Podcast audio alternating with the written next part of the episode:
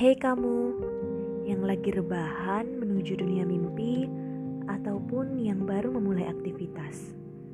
Apa kabar? Gimana hari ini? Melelahkankah? Membahagiakankah atau malah mengecewakan? Yang jelas, apa pun itu, hal itu nggak lain adalah sebuah proses.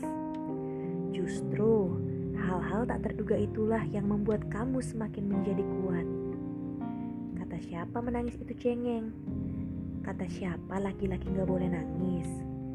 Terkadang yang dibutuhkan hati hanyalah media untuk berekspresi. Ya salah satunya dengan cara menangis. Bukannya malah update status. Tapi nangis juga punya batas waktu loh. Batas yang mutlak adanya. Kamu nggak bisa terus-terusan bertahan di lembaran usang. Kamu harus sembuh sembuh atas kemauanmu sendiri. Aku tahu, kadang kamu bingung sama hatimu sendiri. Bingung akan apa yang sebenarnya kamu mau. But I want to tell you something. Terkadang kamu perlu rehat, merenung dan mencoba memahami diri sendiri. Menjauh sejauh-jauhnya dari hiruk pikuk.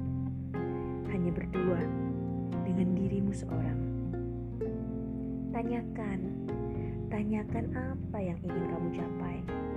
Tanyakan tentang mimpi-mimpi besarnya. Tanyakan apa yang ingin dia lakukan di hidup ini. Setelah itu bangkit. Dan jangan pernah terpikir untuk berhenti di satu titik karena kamu merasa gagal. Masih banyak belahan dunia yang harus kamu jelajahi masih banyak sekali hal-hal di dunia ini yang keindahannya harus kamu lihat dengan mata kepalamu sendiri. Hidup ini bukan melulu tentang kegagalan, tapi perjalanan untuk mencapai sebuah puncak.